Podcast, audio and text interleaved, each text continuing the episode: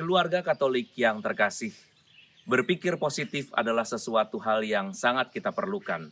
Dalam hidup berkeluarga, bermasyarakat, kita perlu mempunyai pikiran yang positif.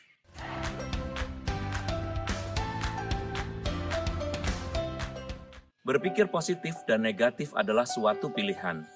Ketika kita memilih berpikir positif, maka segala sesuatu yang ada di sekitar kita menjadi positif.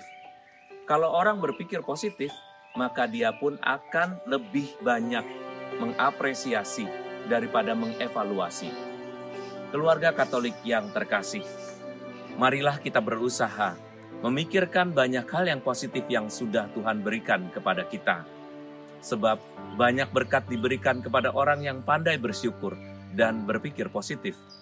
Semoga setiap hari pasangan, anak-anak, atau orang tua kita menerima pikiran-pikiran positif kita sebagai berkat, supaya setiap hari ada banyak hal dan banyak alasan untuk kita bersyukur dalam doa-doa kita kepada Tuhan. Semoga Tuhan memberkati kita